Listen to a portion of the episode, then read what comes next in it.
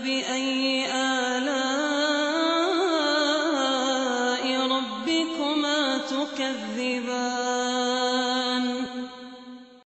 Berikutnya penulis menjelaskan di sini tentang hari-hari yang diharamkan berpuasa. Dan diharamkan berpuasa itu cuma dua saja. Dua dua dua keadaan saja. Karena itu penulis menjelaskan cuma dua. Wa yuhramu saumul idaini walau fi fardin wa siyamul ayyamit tasyriki illa andami mut'atin wa kiran. Jadi ada dua pembahasan di sini. Yang pertama haramnya puasa di dua hari raya. Idul Fitri dan Idul Adha itu diharamkan berpuasa. Walaupun dia puasa wajib di situ. Misalnya ada yang nadar puasa setiap hari Senin, setiap hari Senin, nadar ini. Hari Id bertepatan hari Senin, maka dia tidak boleh puasa di hari Senin. Jelas ya? Atau ada yang mengkodok puasanya di tanggal 1 Syawal, tidak boleh. Walaupun alasan mengkodok puasa. Karena ini hari haram berpuasa. Baik. Yang kedua, wasiyamu ayyamit tasyrik. Dari hari-hari yang diharamkan berpuasa adalah hari-hari tasyrik. Tanggal 11, 12, dan 13 Dhul Hijjah. Ya, itu diharamkan. Kecuali andami mut'atin wa kiran. Kecuali untuk puasa karena menebus darah mut'ah dan kiran.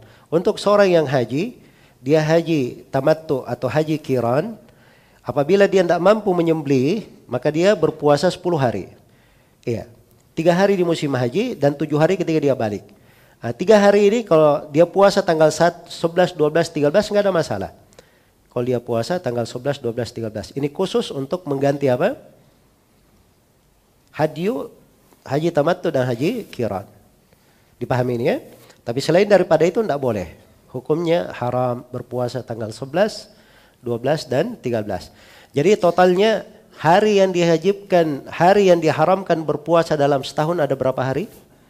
Ada lima hari. Pertama Idul Fitri, yang kedua Idul Adha, yang ketiga tanggal 11, yang keempat tanggal 12, yang ketiga, yang yang kelima tanggal 13 Dhul Hijjah.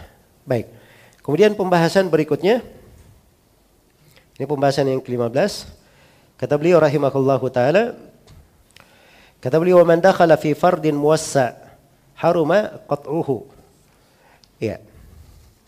Barang siapa yang masuk di dalam kewajiban yang luas, kewajiban yang lapang, maka haram diharamkan untuk dia putus.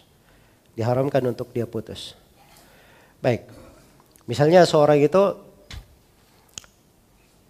punya tunggakan di bulan Ramadan. Terus dia puasa di tanggal 2 Syawal. Dia sudah mulai puasa membayar tunggakannya. Jelas ya?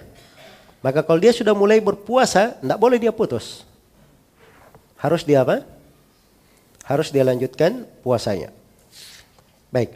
Itu maksud dari penulis rahimahullahu taala. Dan ini adalah pendapat mayoritas ulama berdasarkan firman Allah wala tubtilu a'malakum dan jangan kalian membatalkan amalan-amalan kalian. Iya. Jadi itu dalil yang dipakai di dalam pembahasan ini. Baik.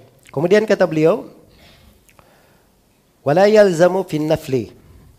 Ah, ini pembahasan yang ke-17. Atau pembahasan yang ke-16. Orang yang masuk dalam ibadah sunnah. Sekarang saya mulai sholat rawatib. Saya sudah mulai. Apakah wajib saya lanjutkan? Hah? Jawabannya tidak wajib. Sebab itu hanya sunnah. Jelas ya? Jadi tidak wajib dia lanjutkan. Wala qada'u fasidihi. Demikian pula dalam mengqada yang fasidnya. Iya.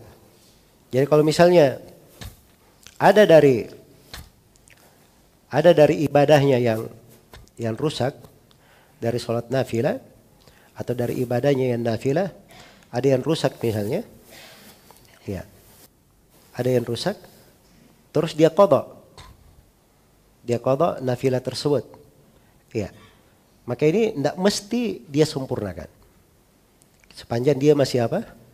Nafilah. Illal hajja kecuali apa? Kecuali haji. Ya kecuali haji dan ditambah lagi umroh ya dua. Kecuali haji dan apa? Umroh karena itu kaidah umum di pembahasan kaidah fikih seluruh ibadah sunnah Kalau seseorang sudah mulai masuk di dalamnya, maka ibadah sunnah ini boleh dia lanjutkan, boleh dia batalkan.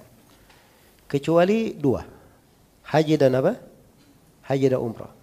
Karena haji dan umrah siapa yang sudah mulai masuk di dalamnya, maka walaupun itu sunnah asalnya, wajib dia lanjutkan sampai selesai.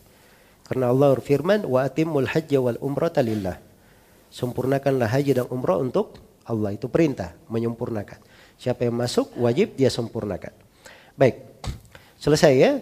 Terkait dengan pembahasan apa yang diqadha dari puasa ya eh, apa puasa-puasa sunnah ya dan seterusnya.